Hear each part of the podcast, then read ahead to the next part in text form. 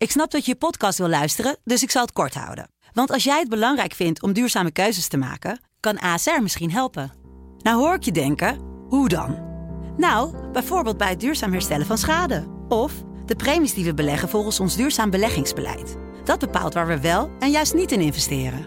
Wil je meer weten over welke duurzame keuzes ASR maakt? Ga dan naar asr.nl slash duurzame keuzes. ASR doet het. Zo, dan kan je nu lekker naar je podcast luisteren. Dit is Spraakmakend, een podcastserie van De Telegraaf. Met daarin echte verhalen van echte mensen, verteld door henzelf. Deze podcast is eerder verschenen als video op 7 januari 2023. Mijn naam is Carlijn Bernoster. Tijdens haar zwangerschap komt Kelly Herreur erachter dat haar vriend Jetro verslaafd is aan cocaïne. Na een zwaar traject in een afkeerkliniek is hij sinds negen maanden clean en woont hij weer bij Kelly en hun zoontje Kelly, fijn dat je er bent. Ja. Super dapper en stoer ook. Hoe gaat het nu met je? Ja, nu gaat het supergoed eigenlijk. Ja. De kleine is, eh, nou ja, 15, 16 maanden. Ja, ja, die groeit lekker, die loopt, die brabbelt, die eh, ontdekt eh, lekker de wereld. Ja, het lijkt, me, het lijkt me wel echt heel heftig om erachter te komen in je zwangerschap. Je staat bomvol hormonen. Ja. Dat je vriend, ja, zo, ja, Ja. ook voor hem door iets heftigs heen gaat. Ja. Maar, ja, hoe, hoe, hoe, hoe ging dat precies en hoe kwam je erachter? Nou, kijk, het exacte moment dat ik erachter kwam, dat, dat weet ik echt niet meer. Want ik was echt heel erg hormonaal. Er waren heel veel Ja. andere dingen gaande. Nou, zwangerschapsdementie is dus echt een ding. Maar, het, ik, zeg maar mijn gedachten gingen er een beetje geleidelijk heen. Want eh, dat begon met, ehm, als ik dan had gekookt s'avonds, dat hij heel vaak zei dat hij geen honger had. Ehm, allemaal van dat soort gekke dingetjes. Ja. En of dat hij zijn neus ophaalde. En één keertje ehm, schoot het er gewoon een soort van uit van... ik denk dat jij een probleem hebt. Ik, da- ik dacht het in mijn hoofd, maar omdat ik zwanger was en echt niet helder was... wist ik ook echt niet of alles wat er gaande was in mijn hoofd... of dat wel zeg maar goed ging. Ja, ja. Eh, toen heb ik dat aangekaart bij hem. En toen, ont- nou ja, hij probeerde dat eigenlijk gewoon te ontkrachten. Toen zei hij van, nou, dat is niet zo. En, eh, Werd het ook echt ruzie? Of? Nee, het werd geen mee. ruzie. Kijk, bepaalde woorden, die kan wel van... Hoe kom je erbij? Maar gewoon op een normaal, zeg maar, zoals wij nu Ja. praten. We zijn niet respectloos naar elkaar geweest. Maar hoe meer dat, zeg maar, een soort van... Ik denk het wel, terwijl hij zegt van, het is zo niet. Hoe meer ik dan aan mezelf ging twijfelen op dat moment. Ja, Dus op een gegeven moment heb ik dat die avond heb ik dat gewoon gelaten. En toen ben ik echt gewoon in mijn hoofd een beetje gaan naar mezelf gek gaan maken van hoe ben ik dan gek en Ja. eh, hoe kom ik daar dan bij? Dus het werd een beetje een tweestrijd in mijn hoofd op dat moment. ja, dat snap ik wel. Even, Ja. nog even eh, terug. ehm, waarom vind je het ook belangrijk om hier zeg maar, eh, je verhaal te doen? Wil je mensen Ja. waarschuwen? Wil je... Nou, ik vind het belangrijk om een verhaal te doen, is omdat je heel vaak hoort ehm, hoe de verslaafden het hebben of het verhaal van de verslaafde. En eh, je hoort ook wel vaak dat zeg maar, de man degene is die verslaafd is. Maar je ziet zelden eh, hoe het voor een naast is, of hoe het voor de vrouw is, of eh, de vriendin. Ehm, je, je, je ziet heel veel dingen van hoe moeilijk het is voor de verslaafde, terwijl het voor de naaste ook hartstikke moeilijk is. Ja, en zeker in jouw geval. Ja, en ik denk dat er heel veel vrouwen ook in dezelfde schoenen staan als ik. En ehm, ja, het is gewoon fijn om te laten zien, oké, je bent niet alleen en er is ook een uitweg. En delen van hoe ik het heb gedaan en hoe het voor mij heeft uitgepakt. En hoop dat ik daar iemand gewoon mee kan helpen of bepaalde inzichten kan geven die ze misschien op dit moment niet hebben terwijl Ja. ze in die situatie zitten. Ja. Ja. Ehm, nou heeft Jetro natuurlijk in dat moment eh, ontkend. Maar Ja. eh, uiteindelijk... Ja, op een gegeven moment, eh, nogmaals ook exact niet, er zijn een paar punten waar ik me echt herinner. En dat was een andere keer dat ik gewoon echt, toen werd ik boos. En dat had ook wel een beetje met die hormonen te maken. Ehm, want ik werd ineens heel explosief en dan heb je jezelf ook niet meer onder controle. En toen eh, was ik in mijn hoofd weer wat zekerder van mijn zaak. Want die- al die dingen die ik voorheen zeg maar noemde, die werden frequenter. En dat ik dacht van, het kan gewoon bijna niet meer. Dus ik was wat zekerder van mijn zaak. Ja. En eh, toen ben ik echt boos geworden. Toen heb ik gezegd, hey, je gaat iemand bellen, want je moet hulp gaan zoeken. Ehm, want anders ga ik bij je weg. Zoiets heb ik gezegd. Nou, toen heeft hij mij bij zijn, dus iemand die we kennen met de privékliniek in Spanje, heeft hij gebeld. Eh, om het zeg maar een soort van subtiel aan te kaarten Ja. bij hem. Het was nog niet van, ik ben verslaafd aan, aan cocaïne, maar wel van, nou, als ik een drankje doe, dan wordt het af en toe misschien wat te leuk. Terwijl in die periode dronk hij niet eens zo gek veel. Dat, dat is ook niet echt zijn trigger geweest. Maar ik had zoiets van, oké, dit is een begin naar erkenning toe. Precies. Een soort van. Ehm, Maar jullie zijn later met elkaar naar Spanje Ja. geweest. en met Bodie, want Ja. ik natuurlijk niet mijn kleintje eh, alleen laten. Toen zijn we inderdaad als gezin zijnde zijn we naar Spanje gegaan. Want in diezelfde periode kreeg ik heel erg last van eh, hyperventilaties en angstaanvallen. Wat ik nog nooit had meegemaakt in mijn leven. Dus we gingen naar een soort van privékliniek. En dan maken ze een programma op maat met een, nou ja, allemaal specialisten. En Jeetje dan voor verslaving. Ik voor mijn angstaanvallen en mijn hyperventilaties. En daar waren we dan twee weken eigenlijk maar. Dat is inderdaad best wel kort. Ja, dat was inderdaad best wel kort. Ja, en dan is het eigenlijk te kort. Want bij thuiskomst gaat het voor Jetro ja. ja, niet zoals het hoorde te gaan. Nee, dat ging niet zoals dat we beiden eigenlijk hoopten en wilden. Want in Spanje ging het goed. En eh, hij was clean, maar dat kon eigenlijk ook niet anders. Want je zit gewoon in een huis en je kan er niet uit je, zonder zeg maar, de begeleiding. En eh, we werden weer een beetje verliefd en vlinders. Want dat was weer de jeter waar ik echt verliefd op werd, weet je. En eh, de terugkeer, ja, moet ik dat zeggen? Dat, ik keerde wel terug met een bepaalde angst. Want Ja, je leeft ik. ook niet in een sprookje. En je doet ook niet alsof alles weer in één keer helemaal goed is. En, en dat soort dingen. En toen ging het vijf dagen later, eh, ja, ging het weer fout. Ja, en, en hoe kwam je daar dan achter? Nou, hoe kwam ik daarachter? We hadden zeg maar afgesproken in Spanje ehm, dat als hij zin zou krijgen of had gebruikt, dat hij me zou inlichten. Mhm. Of als hij mij niet zou inlichten, iemand anders. Want inmiddels, eh, mijn moeder wist het, zijn moeder, mijn zussen. Eigenlijk iedereen die van hem hield, die wist het. En die waren eigenlijk ook super supportive. En eh, in plaats van afkeurend en eh, we zijn er allemaal voor je. Waren ze er ook voor jou? Ja, ze waren zeker voor mij, zeker. Zowel mijn moeder als mijn schoonmoeder.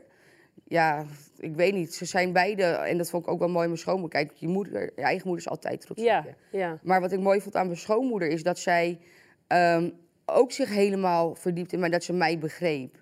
Weet je, en er ook voor me was. En dat ze zei van, oké Kel, nou, je hebt gelijk. Toen ik Ja. bepaalde stappen ondernam. En Ja. dat, dat vond ik wel heel erg mooi en Ja, dat is zeker mooi. Ja. Ja. En nog even terug naar hoe Nou je hoe het kwam ik inderdaad... erachter? Ja. Nou, hij kwam terug van werk op de vrijdagmiddag. En we gingen met, met Bodie naar zo'n speelparadijs met ballenbakken en dat soort dingen. Je weet het wel.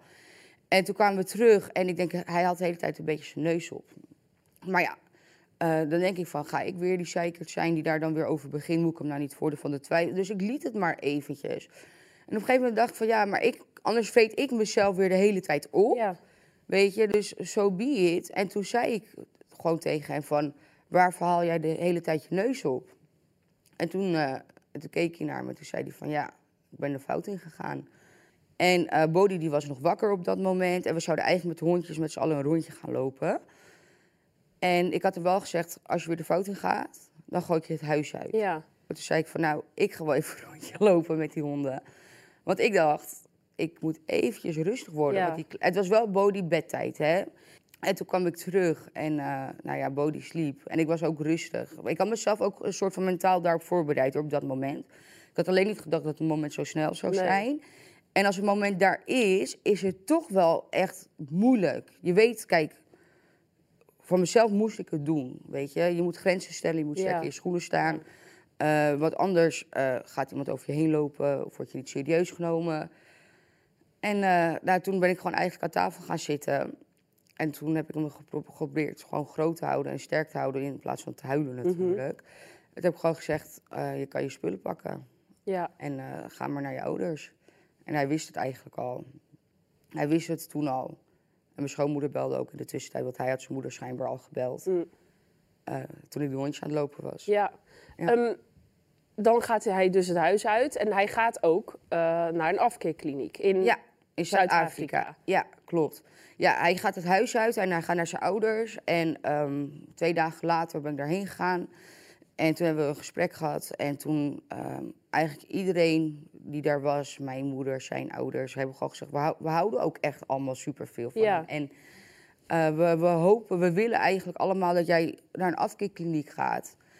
En eh, dat was eigenlijk het moment, ja, dat was helemaal geen fijn moment, maar het was een, heel eng voor mij. Want ik denk van, als hij daar niet mee instemt, dan kan het echt nog heel erg fout gaan. En dan, dan belandt de vader van mijn kind straks misschien wel aan de goot. Ja. En eh, naast de vader van het kind degene van wie je houdt. En toen zei hij eigenlijk meteen, ik, eh, ik wil zelf ook naar een afkeerkliniek. En eh, wat ik het fijnst vond aan dat moment was...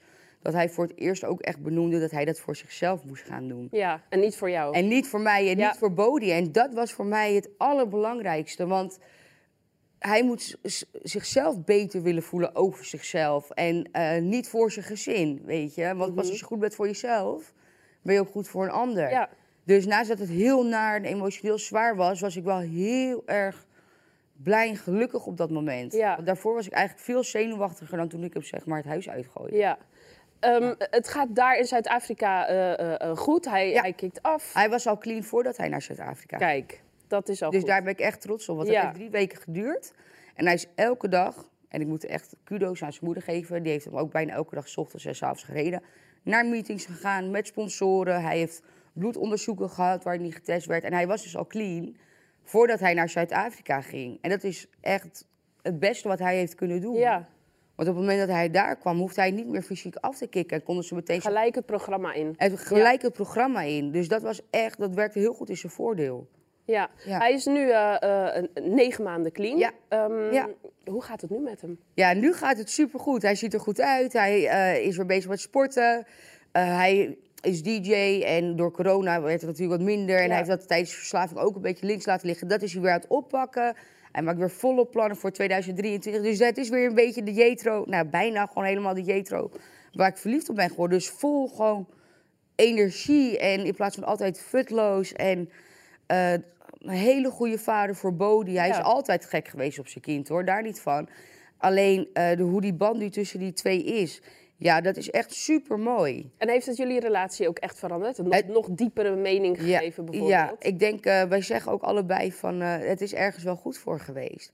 Want als je dit kan overleven, Dan kan je alles aan. dan kan je echt alles aan. Want je komt echt beide in een soort van put te zitten. En ik ben ook hulp gaan zoeken daarna van hoe moet ik omgaan met iemand in herstel, weet je. Want Ja. je moet elkaar weer echt gaan begrijpen, weet je. Want hij verdoofde zichzelf niet meer. Dus sommige dingen konden voor hem eh, veel prikkels zijn, wat ik me helemaal niet realiseerde. Ja. Dus je wordt ook weer een soort van geforceerd, nou niet geforceerd, want je kiest er beide voor samen te blijven naar je relatie te werken. Uh, maar je moet weer heel erg goed gaan communiceren. Uh, je gaat weer de diepgang in. En dat was er heel lang niet. Nee. Want hij was verslaafd en ik distancieerde mezelf eigenlijk. Dus er was met beide geen gesprek meer aan te gaan. En op een gegeven moment, wordt, ja, misschien zijn die wortels nog wel dieper dan voordat hij zeg maar verslaafd raakte. Ja, het is wel mooi dat jullie er toch iets positiefs ja. uit hebben kunnen halen. Want Ja. ja. hoe, hoe zie je nu de toekomst voor je? Ja, nou nu zie ik het wel weer uh, roziger maneschijn. Op, op het begin uh, vond ik het heel erg spannend dat hij terugkwam uit Zuid-Afrika. Uh, maar moet je zeggen, hij heeft zoveel meetings gepakt, doet hij nog steeds. Hij blijft gewoon, zeg maar, um, hij blijft aan zichzelf werken Ja. in zijn herstel. Dus Ja. dat is supergoed. Daarmee kreeg ik steeds meer en meer vertrouwen. Dus ook die angst voor een uh, relap, of hoe zeg je dat nou, voor een terugval, um, werd steeds minder en nam steeds minder de overhand. Op een gegeven moment kom je dus gewoon weer in een uh, gezinsdynamiek terecht, waar het eigenlijk helemaal uh, nou, bijna geen invloed meer op heeft. Nee, of de overhand niet meer heeft. Als hij nu, kijk, het is ijskoud nou, hij is verkouden, ik ben ook verkouden. En ik heb geen één keer gedacht nu, oh, oh misschien is het toch, is het, ja, is het toch dat, Ja, weet je. ja dus het, het vertrouwen is eigenlijk ook het, hersteld. Het vertrouwen is Ja. hersteld. En, Ja. dat, uh, en dat is heel mooi. Dus we willen ooit heel graag een tweede kindje. Ja, dat wilde ik vragen. Misschien wil je ook nog wel trouwen, of niet? Ja, trouwen willen we ook. Dat willen we ook. Nou, daar heeft Jetro sneaky plannetjes over volgend Mm. jaar, zegt hij. Dus, uh, maar ja, dat zijn wel dingen waar je het zeg maar, voor de verslaving ook over gehad hebt. En tijdens de verslaving en misschien het eerste deel van herstel... ben je daar nog steeds niet heel erg zeker van. Nee. Of je dan um, nog wel wilt trouwen of dat het wel verstandig is om aan een tweede kindje te beginnen. Want uh, je moet eigenlijk, althans je weet nooit hoe het leven loopt, hè. Maar toen we zeg maar besloten zwanger te raken van Bodie, toen waren we heel erg zeker van ons zaak. Ja. En, uh, en dat vind ik heel belangrijk, dat als je weer voor een kindje gaat, dat je dat ook moet zijn. En uh, dat zijn we nu wel. We gaan nog niet voor een tweede kindje, hoor, want we hebben nog steeds slapeloze nachten. ja, dat... Maar ik, ik heb wel weer zin in de toekomst met hem. En als hij uh, zou vragen ergens in 2022 om te trouwen, zou ik ook ja zeggen. Dan zou ik er ook weer zin in hebben. En ik kijk ook naar uit om het ooit weer te gaan proberen voor een tweede kindje. En dat stond heel lang op hold. En het is wel weer fijn om ook voor je gezin en voor jezelf uh, weer een toekomstvisie te hebben, zeg maar. Vind ik uh, een heel mooi einde. Kelly, ja. dank je wel. Nou, dank je wel. Wil je meer spraakmakende verhalen horen? Abonneer je via je favoriete podcast-app, zodat je nooit meer een aflevering hoeft te missen.